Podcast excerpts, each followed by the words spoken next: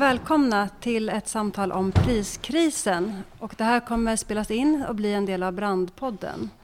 Det här samtalet handlar om hur vi kombinerar kamper för att överleva slutet av månaden och samtidigt klara slutet av världen. Och med idag är eh, Pontus Blyme, doktorand i ekonomisk historia, aktiv i Allt åt alla. Helena Hägglund, frilansjournalist och doktorand i journalistik, som också har skrivit i senaste Brand om eh, bröduppror i Egypten. Och så är det Tanja Preste som är folkhögskolelärare, historiker och aktivist med bakgrund från Italien. Ni kommer alla få presentera er själva lite mer. Jag ska presentera mig själv också. Jag heter Anna Nygård. Jag är aktivist, har varit aktiv planka.nu många, många år.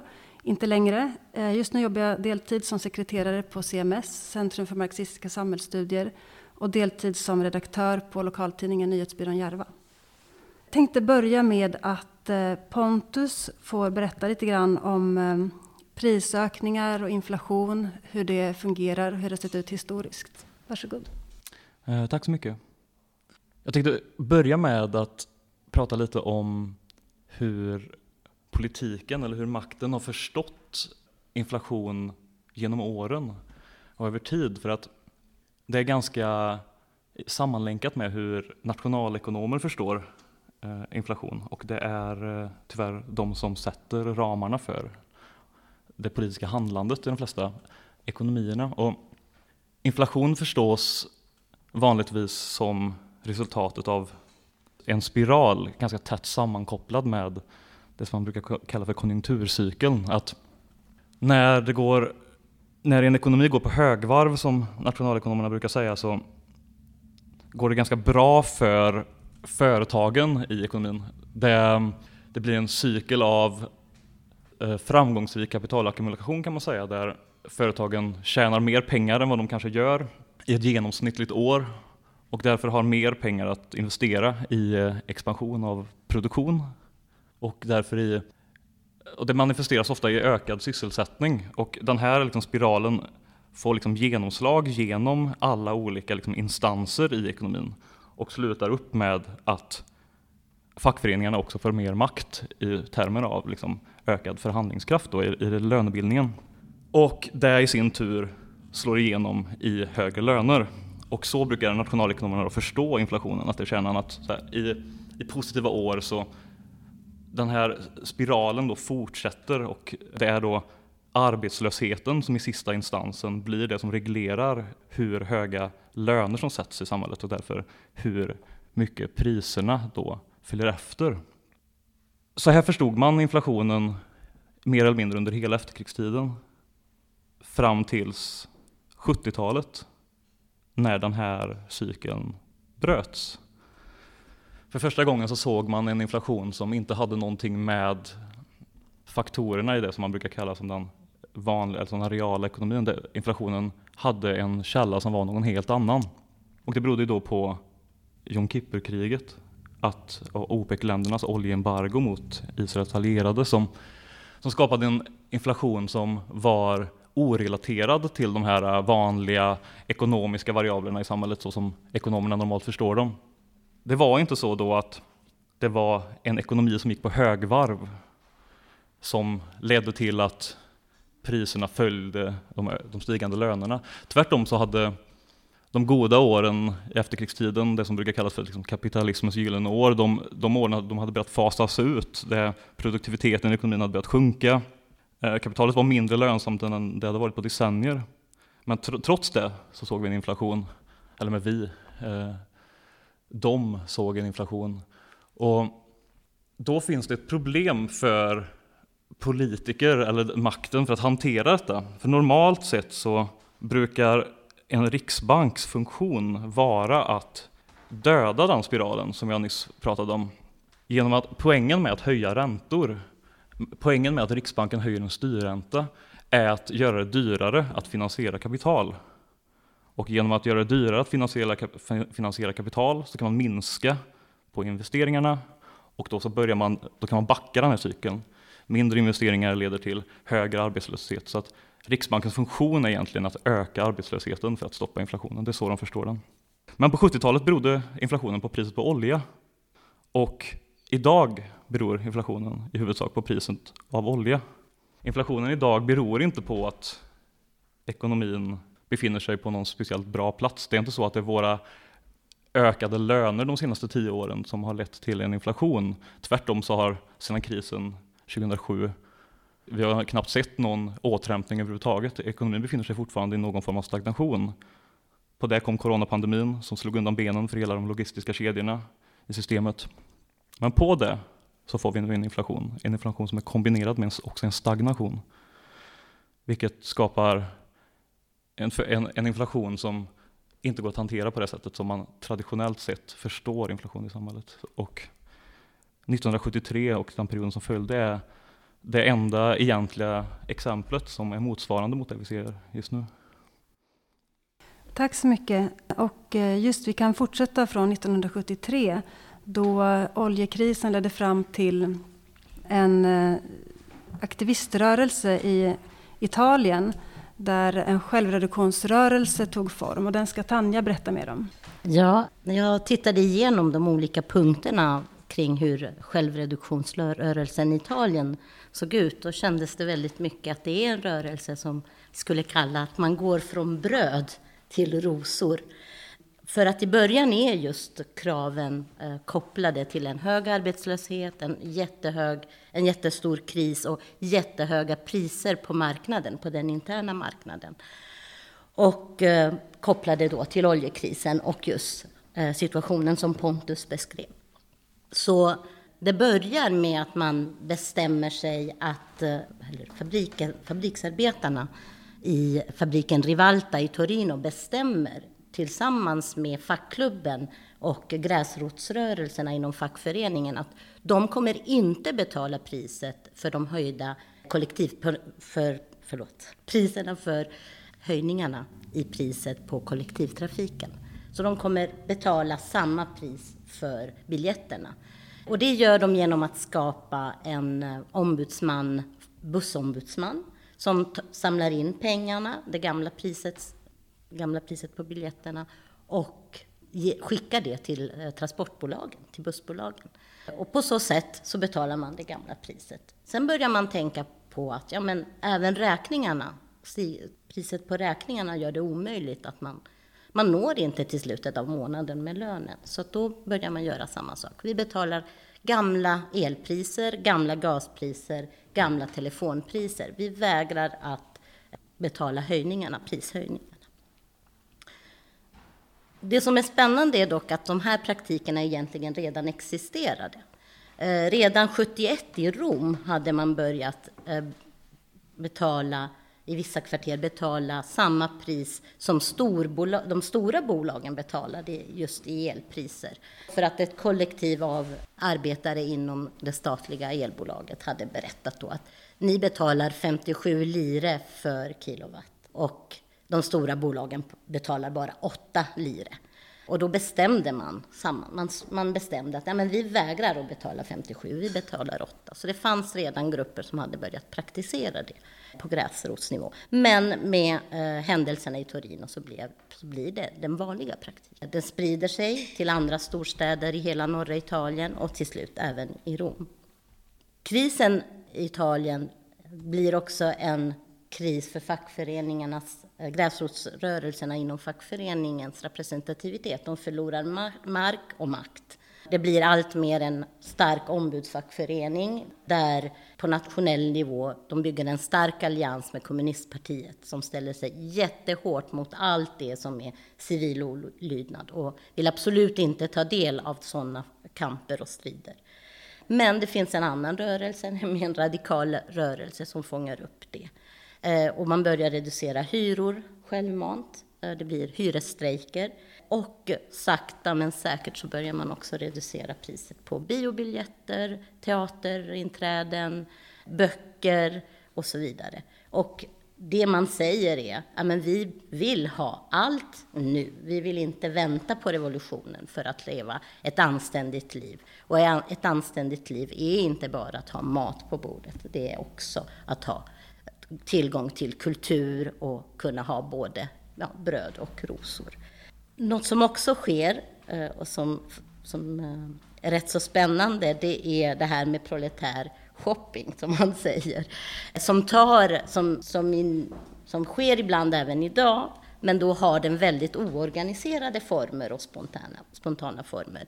Medan under 74 och 75 så tar det otroligt välorganiserade former, till exempel i Milano, där man går in, ber de som sitter i kassorna att flytta på sig och så står man där och systematiskt använder gamla pristabeller så att alla de som går och handlar får tillgång till de, till de gamla priserna och inte behöver betala inflationen.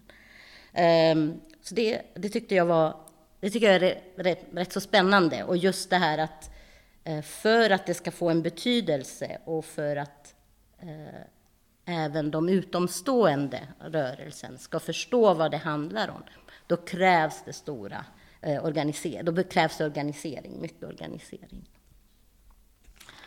Um, ja. Vill du säga någonting om eh, teaterpjäsen som finns eh, kring den här rörelsen? Eh, den har jag faktiskt inte koll på. Nej, okej, okay. då kan jag göra det. Eh, för att eh, Dario Fo skrev en pjäs som heter just Vi betalar inte, vi betalar inte som, eh, som just eh, skildrar den här rörelsen. Och eh, vi har ju ett exempel också, ett lokalt exempel från inte så länge sedan, eller fortfarande pågående, som är Planka.nu, Planka.nu, som inspirerades starkt av självreduktionsrörelsen i Italien när kampanjen drog igång 2001. Och tanken var just då att, att kräva ett rimligt pris. Och det var ett svar på en biljettprisökning som då var Månadskortet kostade 450 kronor och chockhöjdes till 500 spänn 2001. Och eh, idag så framstår det som otroligt billigt. Bötesbeloppet var 600 kronor och nu har vi det dubbla. Så det har ju, där kan man väl säga att den, den kampen har varit framgångsrik i att lyfta frågan men inte i att pressa priserna rent faktiskt för majoriteten. Men Helena, du har skrivit om eh, brödupplopp, brödintifador. Berätta. Ja, i senaste numret av Brand då, så har jag försökt liksom göra en genomgång av eh, Egyptens historia av brödrevolter. Man kan säga att liksom de största folkliga resningarna i Egypten i efterkrigstid har kopplingar liksom till priskamper eller liksom snarare till höjda livsmedelspriser. Och arabiska våren 2011 är verkligen ett sådant exempel. De liksom stora slagorden då var liksom bröd, dignity, vad, vad är det ordet? Du, värdighet. Du, värdighet, bröd, värdighet, frihet. Och, så det var väldigt liksom viktigt för arabiska våren. Och liksom arabiska våren då föranledde, så, som startade då i början av 2011, slutet av 2010, början av 2011.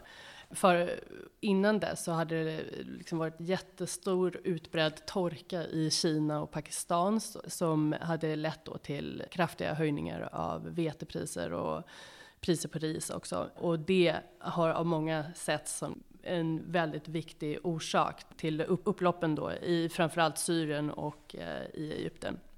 Även om det såklart inte är den enda faktorn så är har ändå varit betydande. Alltså i den här artikeln i Brand som jag har gjort då, så där försöker jag mig på en, en historisk genomgång då av folkliga resningar i Egypten kopplat till livsmedelspriser. Specifikt kopplat till bröd, eller för att vara mer exakt kopplat till hot om höjda priser på statligt subventionerat bröd. Och bröd är liksom så otroligt centralt i, i, i hela Mellanöstern. Det äts av, till alla måltider, i alla samhällsklasser, det säljs överallt. Var man än är i Kairo ser man liksom, eh, varenda gränd du är i så kan du köpa bröd. Brödkakor från små stånd överallt. Och det liksom har också en väldigt viktig symbolisk eh, betydelse i Mellanöstern som vi kan komma in på lite grann senare då. Men eh, den faktiska betydelsen är också så här att 30 procent av befolkningen i Egypten lever i fattigdom. Och för dem så är subvention, statligt subventionerat bröd, deras, det är den främsta liksom, eh, kaloriintaget, främsta näringskällan. Så de människor skulle liksom dö om inte, om inte brödet var så kraftigt subventionerat som det är. Och då liksom för att prata om brödsubventionerna som är så otroligt sammankopplade till de här revolterna så kan man se det, det mm, brödsubventioner infördes då under andra världskriget av dåvarande kung Farouk. Och sen så mm, för att det var så kraftigt höjda matpriser i på grund av kriget då. Och sen så har det liksom levt kvar och under president Nassers liksom så här panarabistiska socialism så införde han jättemycket eh, subventioner på, på allt möjligt, liksom på bostadshyror, på mat, på drivmedel och sådär. Och sen så har de flesta av de här subventionerna tagits bort de senaste 50 åren under, på grund av så här, nyliberala, nyliberal politik. Och, men brödsubventionerna har ändå liksom kunnat bestå trots att man försöker, har hela tiden ur, försökt urholka dem hela tiden på massor av olika liksom, innovativa sätt. Men då, här, på 70-talet så började Egypten importera mycket av sitt vete och blev helt beroende då utav eh, globala vetepriser. Och bröd är ju då jättekraftigt subventionerat och det är en stor, stor utgift för staten i Egypten. Och då, det blir ju då, det är alltid kännbart och liksom eh, problematiskt så här. Men då under så här stora, när, när vetepriserna höjs eh, globalt, som de gör just nu då med kriget i Ukraina, som jag tänker att vi kanske pratar lite grann mer om senare då, så då blir det liksom otroligt kännbart för, för staten. Och Egypten är också beroende av internationella lån. Och vid varje förhandling med IMF som Egypten har gjort så har det alltid ställts krav på att reducera liksom, de statliga utgifterna för subventioner och framförallt bröd då, som är den, den största, en av de största posterna. Då. Och eh, den första gången som det kravet ställdes från IMF var på president Sadat 1977. Och då, det, då meddelade president Sadat folket att över en natt skulle brödpriserna komma att höjas liksom med det dubbla. Och det, det ledde till massiva folkliga protester och folk brände upp polisstationer, ockuperade myndighetsbyggnader, utförde massa liksom civil olydnadskampanjer och när polis och militär kopplades in och var otroligt våldsamma, 79 personer eh, dödades under två dagar då. Och det ledde till också till så djupa politiska splittringar, eller splittringar i regimen då.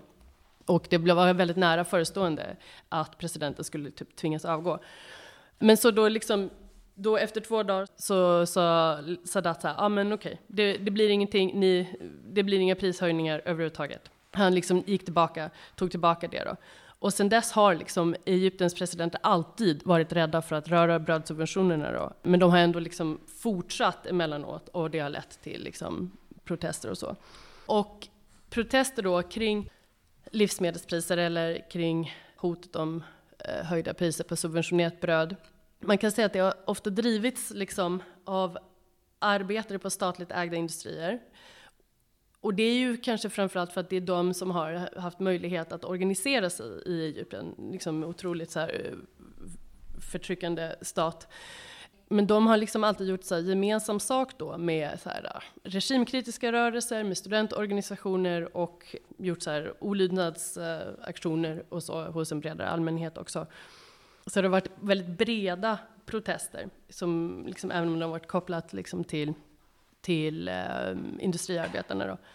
Men när det kommer till Egypten så är det så här att, att bröd, det är ju inte bara liksom att det så här, höjda livsmedelspriser och att, det, att man får så här svårt ekonomiskt och så, utan det är också, bröd är en symbolisk, symboliskt viktigt i Egypten. Det har en väldigt speciell ställning.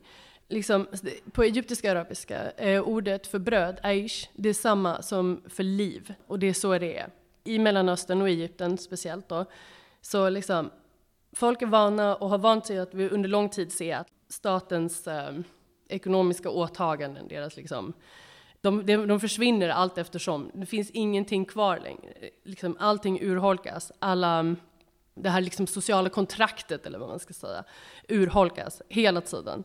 Men när det kommer till just bröd, där så finns eh, man brukar prata om en röd linje i Egypten, liksom. Khat Ahmar kallar man det. Rö, eh, den röda linjen, liksom. Hit men inte längre, typ. Bröd är som den sista grundläggande rättigheten i arabvärlden.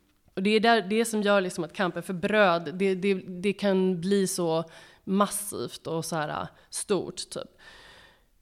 Alltså, så här, gå över klassgränser, liksom, gå över så här, religiösa motsättningar och sen så finns det någonting också i just bröd och livsmedel så här, att det så här, kopplar ihop då liksom offentlighet och, och liksom det privata och så liksom också som är och kvinnligt och manligt också i det som liksom finns ganska åtskilt i Egypten och, och Mellanöstern. Vi ser ju redan nu hur priserna på livsmedel ökar i Sverige och eh, FN varnar för global liksom, svältkatastrofer och, och hungersnöd på många ställen till följd av kriget i Ukraina i kombination med klimatkrisen som vi har sedan innan. Jag tänker på det som du pratar om Tanja. Alltså vi, har ju, vi har ju sett Planka.nu som sagt var, men, men vad har vi liksom för vad finns det för möjligheter att organisera oss mer kring att bemöta de här ökade priserna med inspiration från självreduktionsrörelsen? Finns det fler exempel än, eh, än den med kollektivtrafiken i Stockholm som du känner till? Eller vad, har vi liksom, vad kan man ta lärdom av? Ja, eh, jag vet inte om det finns nutida exempel, men eh, jag tänker på att eh, 2004 i Rom så var det ju en, en eh, aktion i just både i en mataffär där man Eh, bestämde då att man, man, man demonstrerade i matbutiken mot stegande priser och så vidare. Och eh, många av personerna som lyssnade blev, började aktivt att plocka från hyllorna. Och det har faktiskt varit en rättegång kring det där 39 eh, aktivister blev anklagade då för stöld, men att de blev friade i, i domen. Då med anledning att man inte kunde fastställa att det var de som hade eh, begått brottet och så. Och det var ju så här en aktion och proletär shopping. Och sen på eftermiddagen så gjorde de, upprepade de samma aktion i en eh, bokhandel på Feltrinelli i Piazza Argentina i Rom. Och det har just också med det här att göra, att vi kan inte skilja då åt mellan vad, vad behöver vi för att mätta vår hunger? Vad är det? Men jag tycker att det finns ett eh, rätt så spännande exempel som är något som miljörörelsen också har gjort.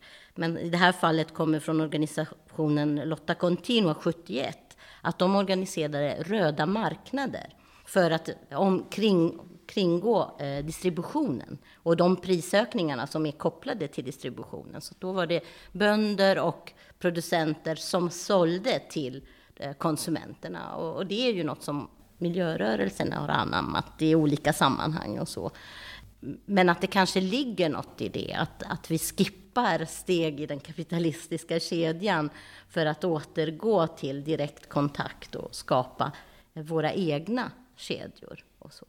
Eller våra egna sammanhang och samband. Det kanske är där något ligger. Och, och ja, det, det är ju också att då kanske vi kan slippa de här eh, ja, men kostnader för transport som kan vara så otroligt, som, som då också ger en, en klimat den nuvarande klimatkrisen är, är så betungande för själva klimatet också.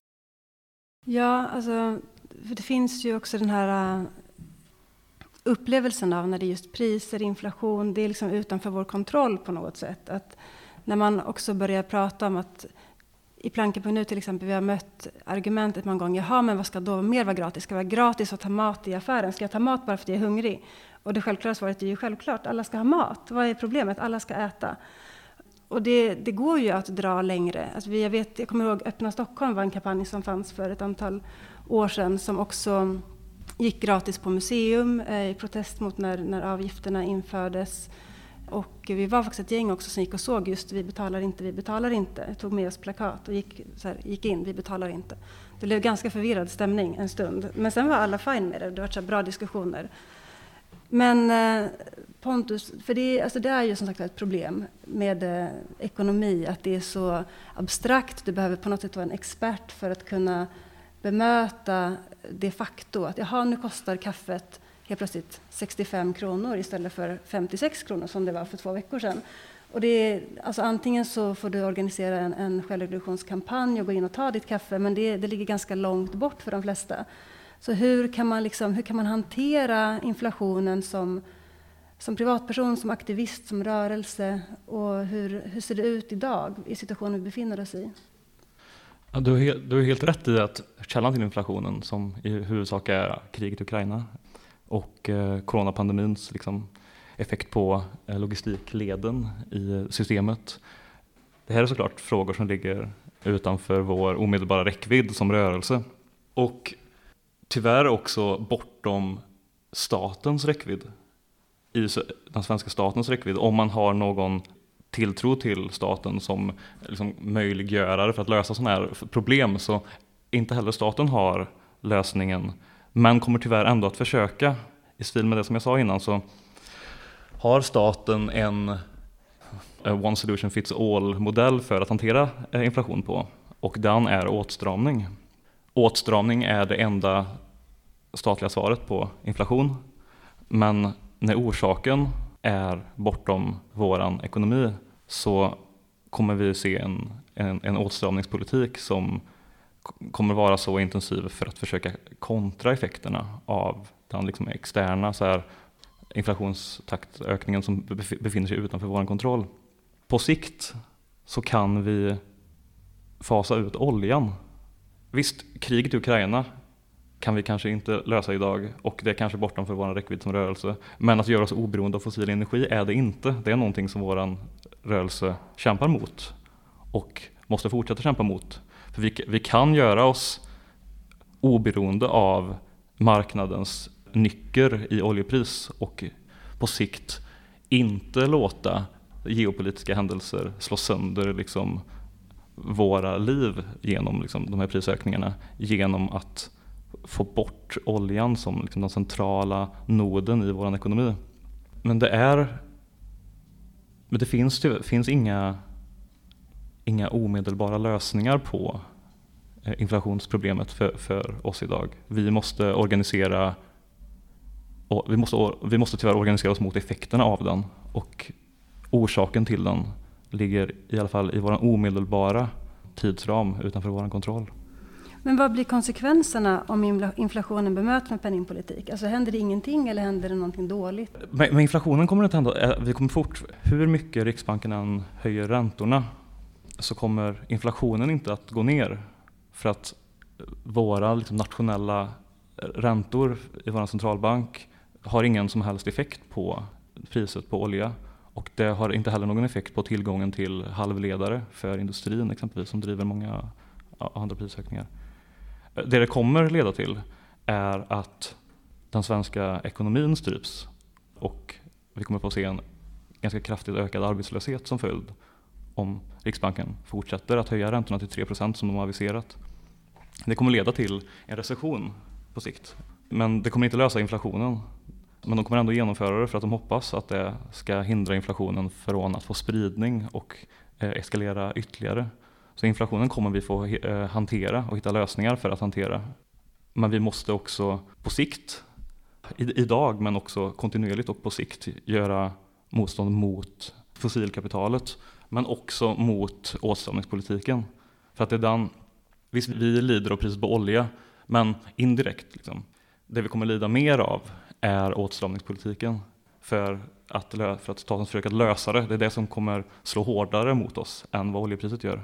Så ja, det, det är svåra frågor och det är svårt att eh, lösa dem som en autonom rörelse. Men det, det, finns på i alla fall sikt möjligheter att driva rörelsen i en riktning mot någon lösning på problemet.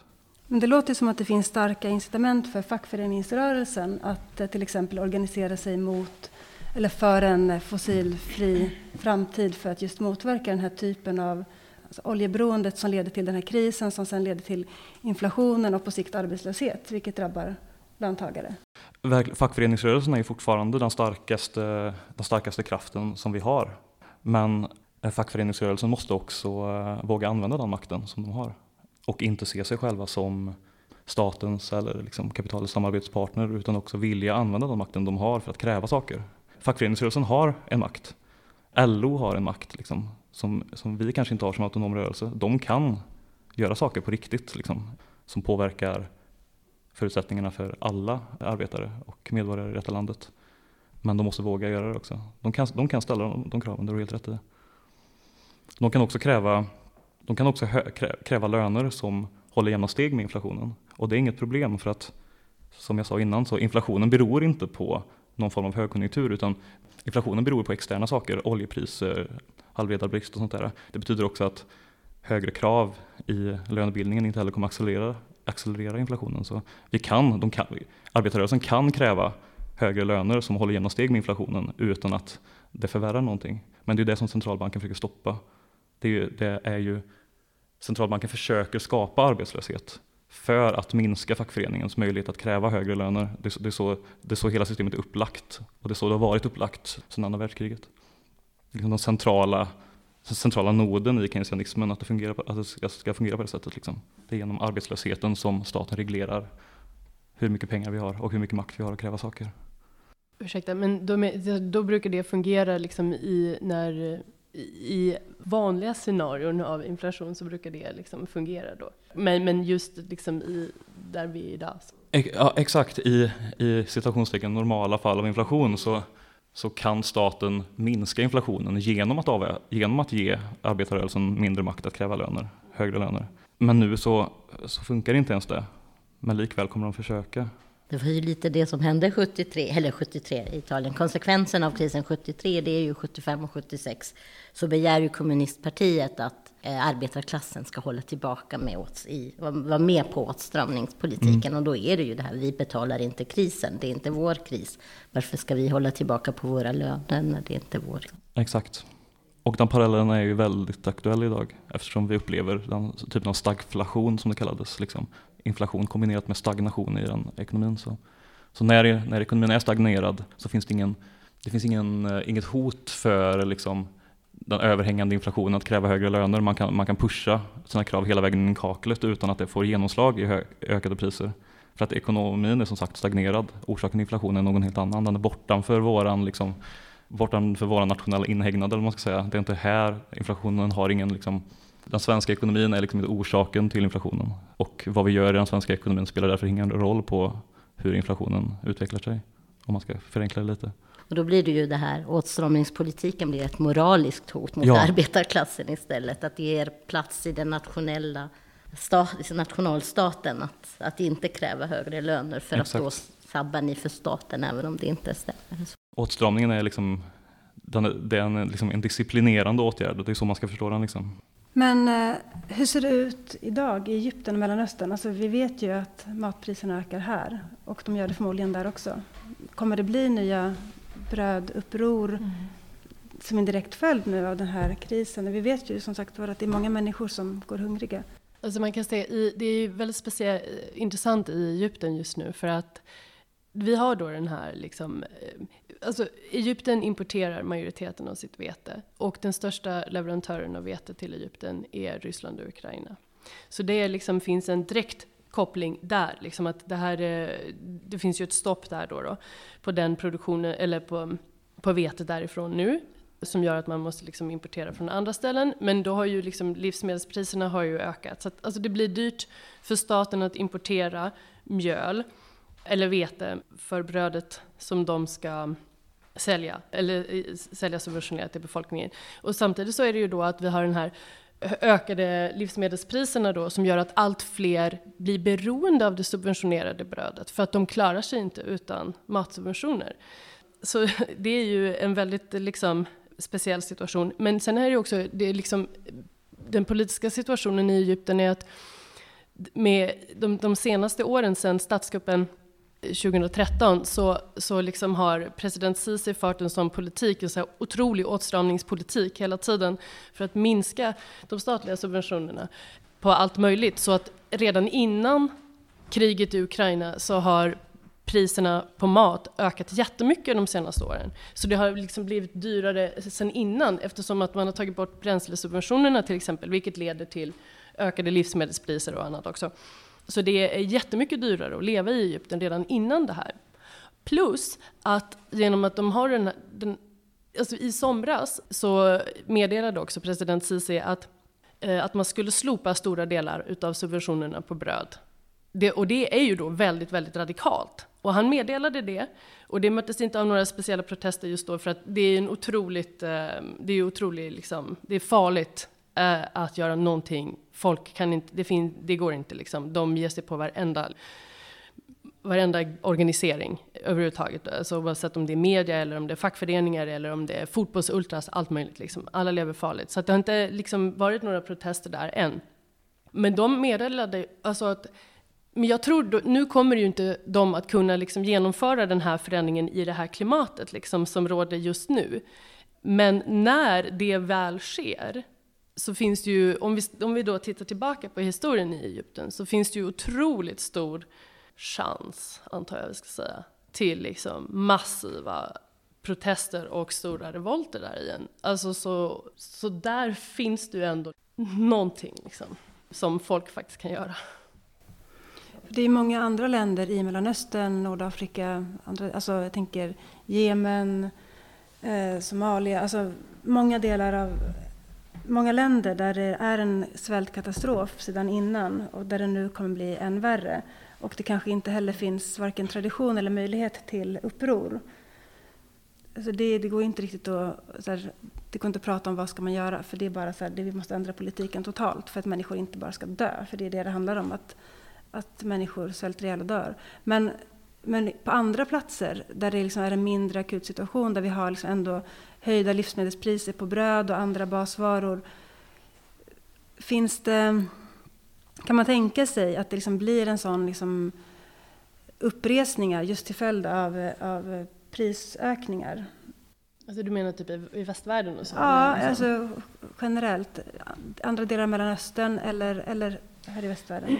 Alltså i, i Mellanöstern så ja, för att jag menar så här, även om det är liksom, okej, okay, det är ju det är svårt, det jag menar, krig och det är enormt mycket krig och så här, men så, så svårt med folkliga resningar i de situationerna, men men om vi tar och ser till Mellanöstern så finns ju fortfarande liksom erfarenheten av 2011 och så finns ju alltid kvar liksom. Och det har ju liksom inte försvunnit. Men eh, alltså till, i, i västvärlden, jag vet inte, det är så otroligt, eh, det är så otroligt annorlunda liksom. Ja, ja.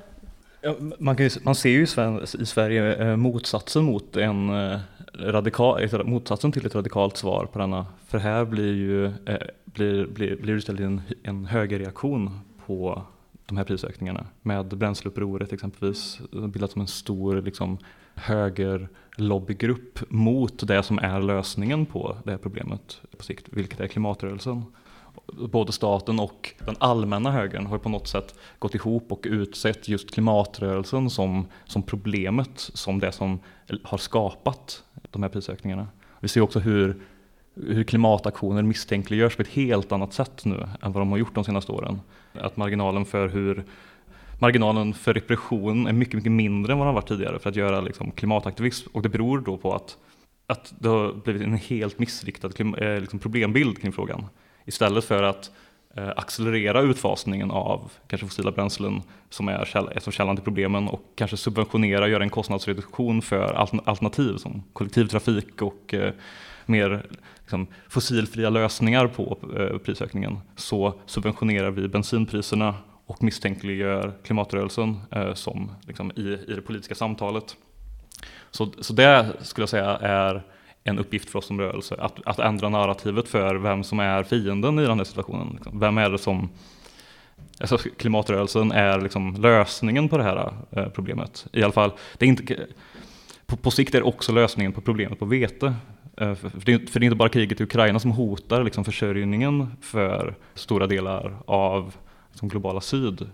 Utan klimatförändringarna är ju liksom, hotar liksom existensen, att, att, att kunna överhuvudtaget leva på den platsen i världen. Liksom. Alltså, jag tror att, att, att rikta om narrativet kring, kring krisen är ett ganska viktigt uppdrag som vi har. Och beskriva liksom, problembilden på ett mer på, på ett radikalare sätt och inte liksom acceptera det, här, liksom det reaktionära narrativet om krisen på det sättet som det har börjat etablera sig. Och, och de senaste månaderna känns det verkligen som att det narrativet verkligen har accelererat. Men hur gör vi det då? Är det liksom eh, solidaritetsaktioner med eh, bröduppror i andra delar av världen? Är det avgiftsstrejker? Självreduktion, klassisk klimataktivism. Finns det, det kanske finns folk som lyssnar också i publiken som har input kring hur vi går vidare, liksom, hur man just ställa om det här narrativet och bemöta, bemöta inflation, prisökningar som, som någonting eh, politiskt styrbart och inte, inte bara givet av en högre makt att förhålla sig till. Det var en väldigt svår fråga. Det var det. Du har en som räcker upp handen. Ja, jag kom fram. Jag har inte något svar, utan det är mer en fråga. Och jag har varit aktiv i klimatrörelsen. Och jag tänker att för att man ska kunna nå fram till bredare grupper så måste man ha något ekonomiskt svar. Och jag vet inte, för några år sedan pratade man om medborgarlön, eh, basic inkomst, att alla i kraft att vara en människa ska man ha rätt till eh, mat, vatten och luft och ha någon sorts basinkomst så att man inte dör om man förlorar jobbet. Och det skulle kunna, om man ser det från miljörörelsens perspektiv, upphäva konflikten mellan förlora jobbet och kämpa för miljön. Och sen den andra saken är att jag tänker att man måste ha en annan ekonomi för världen för att kunna samarbeta med olika länder så det inte blir jaha, men Indien, där är man fattiga, där måste man ha en kolproduktion eller att det måste finnas något annat ekonomiskt system och jag vet inte vilket system, men inte kapitalistiskt, men det kanske finns något som inte finns än. Men jag tror att om man ska kunna ena alla för klimatkampen måste det finnas ett ekonomiskt system. Tack. Jag tror att svaret på den ekonomiska frågan är att det, det, det, det är... Jag vet inte vilka ekonomiska termer vi pratar riktigt, men om det kommer till det finns, måste finnas en, en, ekonomi bakom klimatkampen så, så det, staten har inte brist på pengar. Staten, har, staten kontrollerar sin egen valuta. Vi har en ekonomi i stagnation. Det finns, det finns ingenting ekonomiskt som står emellan oss och en, en fullständig utfasning av all fossil infrastruktur och konstruktionen av en ny grön sådan. Jag tänker att kapitalismen har ingen plan för fördelning. Man kan göra vinster, men det finns ingenting som fördelar vinsterna till alla medborgare. Så är det, och det, det, det känns som den allmänna frågan. Jag, jag är, inte, jag är, inte, säker på att jag håller med dig om frågan om medborgarlön. Det, det, är, en annan, det är en annan diskussion och jag, jag vet inte om jag, är, jag, om jag har någon auktoritet att ut, uttala mig för eller emot det. Liksom. Men fördelningspolitiken i samhället är en konsekvens av våran styrka som rörelse. Även i ett kapitalistiskt system så är fördelningen inte given på något sätt utan är ett, en konsekvens av maktförhållanden mer eller mindre. På, på lång sikt, om vi vill ha kommunism, så, så, hin, så det, det liksom hindrar inte oss från att liksom kämpa för en fördelningspolitik idag som är mer, mer rättvis heller. Vi kan, vi kan fasa ut den fossila infrastrukturen. Vi kan bygga ett rättvisare samhälle på vägen dit också. Vi, vi kan bygga vårt samhälle i en riktning mot våran, mot, i riktning mot det klasslösa samhället som, det, det, behöver inte vara liksom binärt, om du förstår vad jag menar. Nej, men jag, jag tänkte också bara, eh, jag lyssnade på eh, Märta Stenevis tal på Järvaveckan igår. Och hon sa att det är inte sannolikt att man går ut och demonstrerar liksom mot klimatkrisen om man inte vet om man kan sätta mat på bordet i slutet på månaden. Och det är ju helt sant. Jag funderar på om det här, alltså när det blir reella prisökningar som märks i människors vardag, det är ju det spär ju på det. Alltså det, det som gör dels att människor hamnar längre från liksom, alltså att ha möjlighet att engagera sig i någonting som är mer abstrakt. Men samtidigt så kanske det också, om man lyckas koppla ihop frågan så att det blir tydligt att så här, det här är en konsekvens av en pågående klimatkatastrof, att priserna ökar. Att liksom, har vi en möjlighet som rörelse att använda den, liksom, den utvecklingen för att på något sätt inkludera fler och skapa en större förståelse för klimatsituationen. Jag tänker också att det är väl en fråga som är kopplad till det här narrativet eh, också. Att man, man har byggt ett narrativ där allt det som sker utanför eh, lagens gränser blir sammankopplat med våld och terrorism. Jag tror inte att det är en oviktig fråga. För att bestämmer man för att göra auto, eh, självreduktioner så handlar det om att bryta mot överenskommelse och det kontrakt man har med ja, men elbolaget eller vem som helst. Så då begår man en olaglig handling. Men så om narrativet fortsätter att vara det, att olagligt är att likställa med terrorism och inte med politik och politiska handlingar, så har vi ett väldigt stort problem i att kommunicera det med, med det vanliga folket, med icke-aktivister. Så jag tror att där ligger en viktig punkt också. om Man tänker, det tänkte jag lite på när jag förberedde mig inför det här samtalet, att den, den mass, de massjälvreduktionerna som skedde i Italien på 70-talet, de såg inte brott mot, mot egendom som ett brott, men som ett sätt att fördela på ett jämlikare sätt. Men om det skulle ske idag, då är brott mot egendom likställt med våld mot, så att man, man berättigar polisens ingripande i demonstrationer. Så här, har ni slagit sönder en fönsterruta, men då har vi rätt att slå sönder era huvuden. Så att det har blivit en, man har, kan man säga, semantiskt har våldsbegreppet blivit större. Eh, och det skadar rörelsen direkt. Och alla möjligheter att agera, eller inte alla, men att vi måste hitta sätt för att komma över det här om vi vill kunna använda dessa praktiker som ändå Eh, och jag tänker, det var du kanske som postade det här som Magnus Linton hade skrivit. I, man hade det var många för, som postade det. Men, ja, ja förfrågan, jag läste det i ditt flöde. Men en förfrågan då om att han skulle vara med och delta på en debatt. Och då var det hotet för, för terroristaktioner från miljörörelsen. Och, och det, så här, att man direkt väljer den ingången. Så här, en rörelse, en social rörelse som har möjlighet till att vara stark ja men då måste vi ha en vinkel som pratar om våld och terrorism eller något så att vi kan låsa in den i en... Att störa trafiken är typ våld? Att liksom att störa, mm. mm. Mattias har en fråga.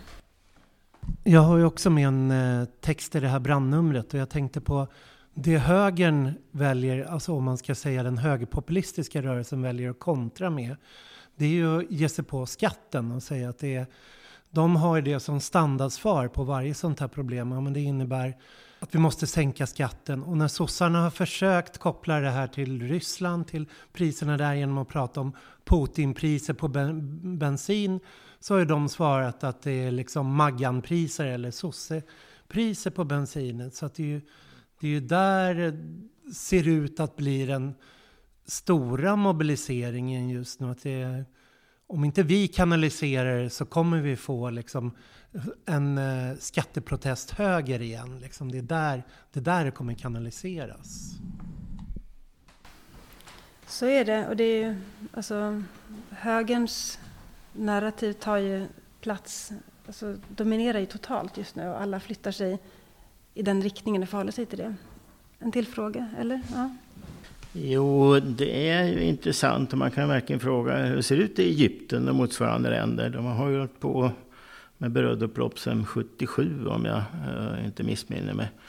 Och eh, det finns all anledning att göra upplopp för allting. Men det råkar bli kring mat och det är nog inte råkar. Eh, det var ju en enorm sån här tendens till att förklara Eh, arabiska våren med hjälp av Twitter och, och sånt där.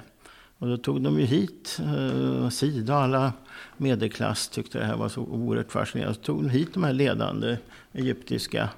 Hon sa att det var ju bara tönterier. Det var ju moskén. Efter man varit i moskén så vågar man gå ut och offra livet liksom. Och nu måste det vara ännu värre naturligtvis eftersom det, lärdomarna är brutala så det liknar ingen sort. Och det är därför jag är lite fundersam på det här med, och man kan ju diskutera och svara på det, men det är ju en civilisationskris vi har. Det går inte bara att prata om att de håller på med repression eller att de håller på att organisera det ena eller andra, utan det är ju det att vi har inte tilltro till varandra. Vi pratar om hur det ser ut på universitetet. Du får diskutera vad som helst. Men det finns ingen aktivism, det finns ingen kollektivism. Och det där är ju, var hittar man den i vår del av världen och globalt överhuvudtaget? Då? Så någonstans så känns det som, det låter radikalt men kommer inte riktigt loss den här diskussionen. Och jag tror då att mat är väldigt centralt. Eh, och det vi gör i miljörörelsen det är att alliera oss med den här globala småbrukarrörelsen. Då. Och eh, jag märker inte att det finns något intresse för det faktum att i 150 kommuner gick man ut och satte potatis när det började kännas att det här kommer vi ha mat i framtiden. Och det där är ju det är en konkret handling. Och vi gör grejer där vi pratar om att eh, du kan inte äta pengar. Alltså väldigt enkla budskap. Alltså, det finns ingen trygghet i Sverige om inte världen blir trygg. Till exempel. Då. Eh, så någonstans där då, så om man kan återerövra då Eh, de här ekonomifrågorna via trygghetsfrågan egentligen. Jag vet inte. Nej, men det är intressant. Eh, jag tänker direkt på eh, där jag bor i Järvaområdet. Att det pågår just nu gerillaodling och de har under flera år försökt få till en stadsnära odling. Det finns ett stort jordbruk som, som står liksom orört sedan flera år tillbaka. Att det finns väldigt mycket potential och att där har man också om man kan organisera sig lokalt och hitta krafter. Just, det blir både liksom maten, klimatet, miljön. Att det kan vara, ehm, eller det är definitivt en del av svaret.